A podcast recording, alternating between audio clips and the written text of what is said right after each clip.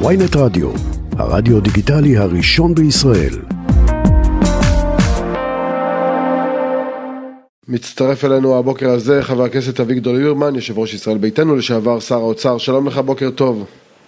בוקר טוב, שבוע טוב, אפשר גם להגיד כבר פורים שמח. כן, תראה, פורים שמח. התחפשת למשהו? אני התחפשתי ומחר אנחנו נחשוף את כן. לא, כי יש... הסוד הכמוס. כי, כי, כי, כי יש מי שיגיד שהתחפשת למפגין, אני חושב שבחיים לא ראיתי אותך באף הפגנה, ובאמת זה מאוד מוזר היה לראות אה, אותך דווקא בהפגנה הזאת.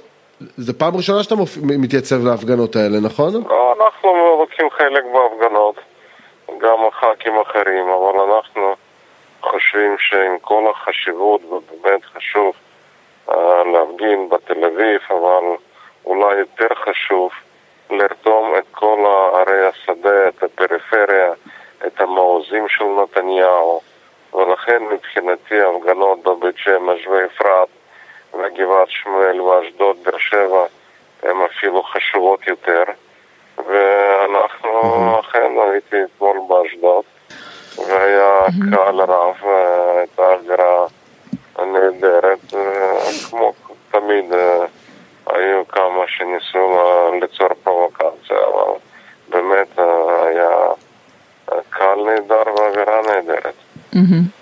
מצייץ הבוקר אה, יושב ראש אה, ועדת חוק חוקה ומשפט שמחה רוטמן שהוא שמע אה, שאתה מתנגד לרפורמה וגם לא מגיע למשא ומתן, זה ציטוט שלו, ואז הוא כותב אני מוכן לאמץ את החוק של ישראל ביתנו שאומר שהמקסימום שבג"ץ יכול לעשות לגבי חוק זה לתת הצהרה שהוא לא תואם את חוקי היסוד, והוא כמובן לא יכול לבטל את החוק, וגם זה, גם ההצהרה הזאת היא רק בהרכב של 13 שופטים. לפחות, הוא מסיים את הציוץ שלו בהרי לא ייתכן שליברמן תוקף את הרפורמה מפוזיציה.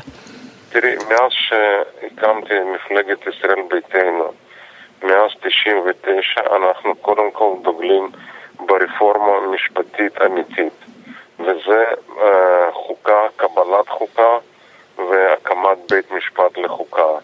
כרגע כל האוסף החוקים שהקואליציה מביאה לכנסת זה קודם כל חוקים אישיים שבאים לשרת שני אנשים.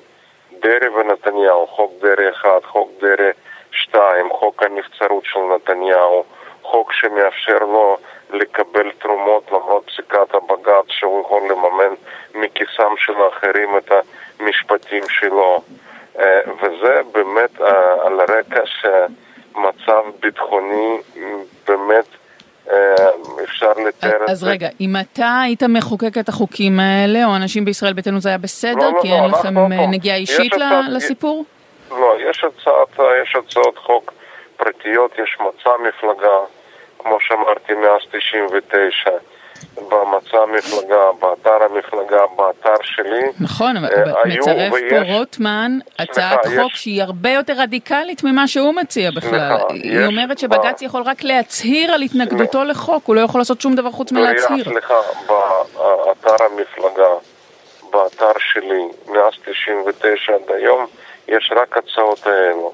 חוקה ובית משפט לחוקה. כל השאר הדברים היו יוזמות כאלו ואחרות שלך כזה או אחר, זה לא מחייב את המפלגה. עמדת המפלגה היא ברורה, כמו שאמרתי, לאורך כל שנות קיומנו. זה לא השתנה במצע, אך ורק מופיע אותם אה, שני דברים באמת הבסיסיים, קבלת חוקה והקמת בית משפט לחוקה. אבל אני רוצה עוד פעם לחזור, כל מה שאנחנו רואים, 90 אחוז, כולל חוק החמץ, כשחיזבאללה יושבים על הגדר, וכשאנחנו שומעים מתת מזכיר ההגנה האמריקאי שאיראנים פחות משבועיים צריכים כדי אה, להגיע לחומר בקיע שמספיק לפצצה אחת, במקום להתעסק בביטחון, וביטחון זה קודם כל צריך לאחד את החוסן הלאומי, שפה mm-hmm. קוראים לטייסים, לסיירת מטכ"ל, לכוחות מיוחדים, טרוריסטים ואנרכיסטים, זה טירוף מוחלט. זאת פגיעה בחוסן הלאומי. ולכן גם כל כן, המאמצים... חבר הכנסת ליברמן, סליחה, אודי, כל המאמצים שהם כשאתה- עושים כאילו לפשרה זה הכל פשוט ניסיון למרוח, אה, להרדים. כמו תמיד, אה, בסופו של דבר נתניהו מנסה להרדים את כולם ולהעביר מה שתואם אינטרסים אישיים שלו. אז מה האלטרנטיבה? כשאתה מדבר למפגינים באשדוד, ואתה. אומר להם, ואתה אומר להם, אוקיי, אנחנו ממשיכים בהפגנות עד שמה? עד שהממשלה לא, הזאת אה, תיפול, עד שהם אה, יסכימו לפשרה אמיתית. מה היעד הריאלי, הריאל פוליטיק שלכם בהפגנות הנרחבות האלה מה בישראל? מה הריאל. ברור שאף אחד לא מאמין לנתניהו, כולל לא סמוטריץ' ולא אבי מעוז ולא גפני ולא מאיר פרוש. אין אחד בין כל ה-31 ח"כים של סיעת הליכוד, גם בתוך סיעת הליכוד אין חבר כנסת אחד שמאמין לנתניהו. ולכן פה יש ניסיון למסמס, לבזבז את הזמן. ואנחנו נגיע למשבר חוקתי. אנחנו עד היום מעולם לא חווינו משבר חוקתי.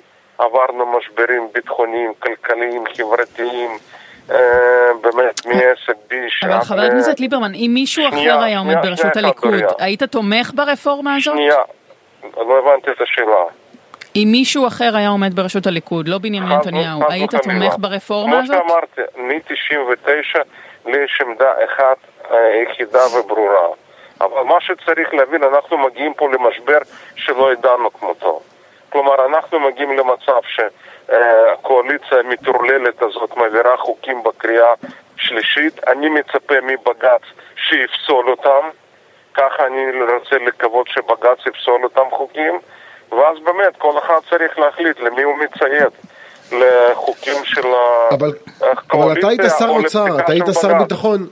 אתה יודע מה? מה המשמעות של הדברים שאתה אומר, משבר חוקתי, אתה כמי שהיה שר אוצר ומי שהיה שר ביטחון, אה, וכמו שעכשיו דיברת על חיזבאללה ועל איראן, הרי זה יביא את ישראל, משבר חוקתי כמו שאתה מתאר, למצב שהיא במצב הכי פגיע ורגיש שהיה אי פעם. האם זה לא מוגזם? גם בצד לא, שלכם, אולי צריך לעשות אולי צעד שנועד לייצר איזושהי הסכמה. תראה, נתניהו לא רוצה הסכמה, יריב לוין לא רוצה הסכמה. גפני אמר שאם לא מעבירים פסקת ההתגברות הוא מפרק את הממשלה. שמענו נתניהו בקולו אומר אני לא מוכן אה, לעצור לשנייה אחת. אומר יריב לוין אם עוצרים אז אני מתפטר. אין שום כוונה אמיתית, הרי לא צריך פה להיות חכם גדול. וברור שאין פה שום כוונה אמיתית להגיע להידברות, אלא רק למסמס את העניין. ולכן האחריות היא על הממשלה. האחריות היא קודם כל על הממשלה שמביאים אותנו למצב אה, על רקע איראן וחיזבאללה שהם לא עושים כלום, לא נוקפים אצבע. נתניהו מתעסק, מכנס פעמיים ועדת הכספים, לאשר לעצמו אה, ולשרה תסרוקת ואיפור וההוצאות של הבתים בקיסריה ורחביה. הוא לא מתעסק בדברים שראש הממשלה מחייב, צריך אה, להתעסק, ולכן האחריות פה תעבור לנשיא. נשיא הופך פה לדמות מפתח. אני מצפה שנשיא... כן, אבל אין לו כוח. אמיתי לנשיא. מה, אתה באמת חושב שהנשיא הרצוג יכול לעשות משהו? אז הוא לא יחתום על החוקים, זה צעד לא, סמלי, אפילו אם הוא יעשה יכול את זה, לא בטוח שהוא יעשה הוא יכול את זה. לקרוא לכל האזרחים כמי שבאמת מייצג את החוסן הלאומי, כמי שמייצג את הממלכתיות, ממלכתיות באופן הכי טהור שאפשר, אני מצפה שהוא יקרא לכל האזרחים בצורה ברורה שברגע שיש אה, קונפליקט כזה, כשהגענו למשבר חוקתי, שהוא מצפה מכל המוסדות הרשמיים, מכל המוסדות ממלכתיים ועומדים בראשם, לציית קודם כל לפסיקה שלו בבית משפט עליון. חד וחלק. כן, זה צעד ממלכתי מצד הנשיא. אה, לדעתך? אני אומר לך, קודם כל אני מכיר את הנשיא, אני מוקיר את ה... אה, אני, העמדה אבל אני שלו. עדיין לא מבינה, חבר הכנסת ליברמן, אני עדיין לא מבינה איך אתה בכל אחד קורא שהנשיא צריך לומר לקיים רק את פסיקת בית המשפט, וב, ובא, ובאותה נשימה אתם, את המפלגה שלך מציעים הצעת חוק שאומרת שבית המשפט לכל היותר יכול רק להצהיר שחוק הוא לא זה טוב. לא מפלגה שלי, דוריה, אתה מנ... את מנסה פשוט לסלף את הדברים. אז מה מפלגה נכון? לא מציעה. קודם כל למפלגה יש עמדה רשמית, ברורה. אתה נגד ההצעה הזאת של פורר? סליחה, למפלגה יש מצע, ומה שמחייב זה מצע. יש יוזמות כאלו ואחרות של הח"כים בעשייה, היו יוזמות כאלו ואחרות, אני לא יכול אה, לפקח על כל הצעת חוק שמגיש חבר כנסת.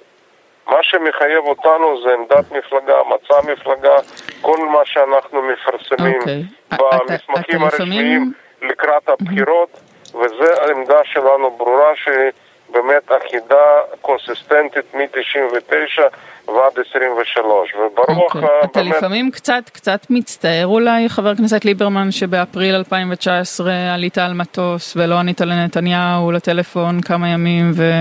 לא, אני חושב שעשיתי בדיעבד, את יודעת, כולנו חכמים בדיעבד, בדיעבד בטח עשיתי נכון. מקרה הזה? הרי רק מוכיח שבן אדם אין לו שום, שום באמת בושה, הוא איבד כל בושה.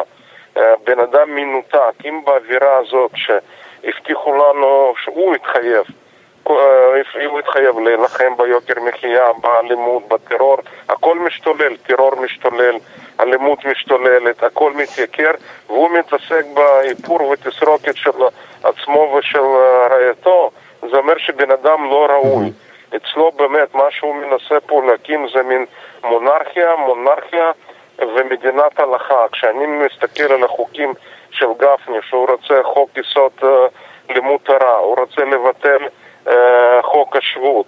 כרגע עם כל הבעיות מתעסקים עם חוק החמץ, זה פשוט מדינת הלכה בדרך שהיא תהיה גם מונרכיה של משפחת נתניהו. כן. בשביל נתניהו המדינה זה שוב הוא. רוצה... אני שוב רוצה לשאול אותך מה אתה אומר לאנשים שלכם, לאנשים שהצביעו לכם, לאנשים שבאים להפגנות.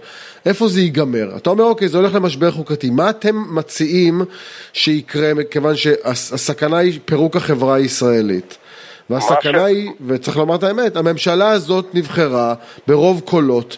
הם, הם, הם ניצחו, התחזיות שלך לפני הבחירות היה שהליכוד יתפרק, הליכוד לא יתפרק, אין אף אחד בליכוד שאפילו מצייץ נגד נתניהו, יש קו אחיד, לאן זה הולך מבחינתך? איך אתה חושב שזה סליחה, ייגמר? זה, זה שלקואליציה יש רוב בכ- בכנסת, זה נכון. אבל רוב בעם מתנגד, כולל חלק ניכר ממצביעי הליכוד.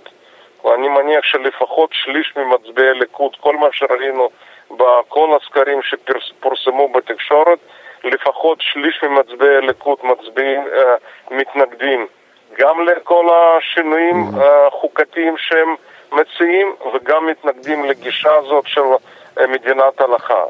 לפחות שליש מאלו שהצביעו לליכוד, לכן יש רוב בעם כנגד כל היוזמות האלו.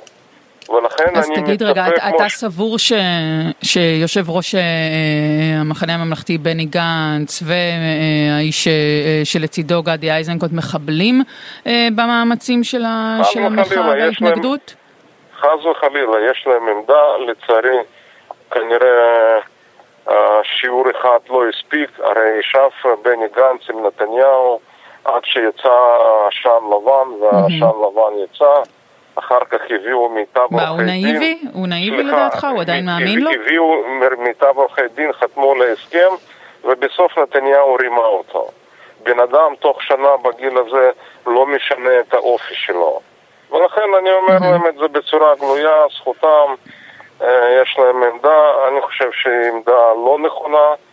ברור שנתניהו לא רוצה שום פשרה, אלא רק למסמס את העניין, וברור שכרגע יש רוב בעם נגד כל השינויים, ויש להם באמת אה, פתרון טוב. הקואליציה הזאת יכולה לעצור ולנסות אה, להגיע למשהו שהוא בקונצנזוס רחב, שרוב העם יתמוך. כרגע אין שום נכונות, זה לא עמדה של הימין, אין להם שום קשר לימין. העובדה, הבולטת היום, ועדת השרים דנה בהצעת חוק שלי, החלת ריבונות על אה, בקעת הירדן, קונצנזוס ציוני מקסימלי מגל אלון עד אה, רחבעם זאבי, גנדי. כמובן הם ינסו למרוח, לדחות אותו. יש פה פגיעה גם מתמשכת. בעיקרון הבסיסי של שוויון בנטל, יש פה ניסיון לחלק את העם. מה זה גפני אומר? אנחנו נחלק את העם לשניים, אלו שילכו לצבא ואלו שילכו לישיבות. זה שהם צבא העם, השוויון בנטל, זה עקרונות בסיסיים שעליהם מושתתת מדינת ישראל. וזה שנתניהו נותן יד לפגיעה בשני uh, באמת אבני יסוד של מדינתנו, זה רק אומר שאיש חייב uh, ללכת הביתה. הוא לא ראוי לעמוד בראש כן.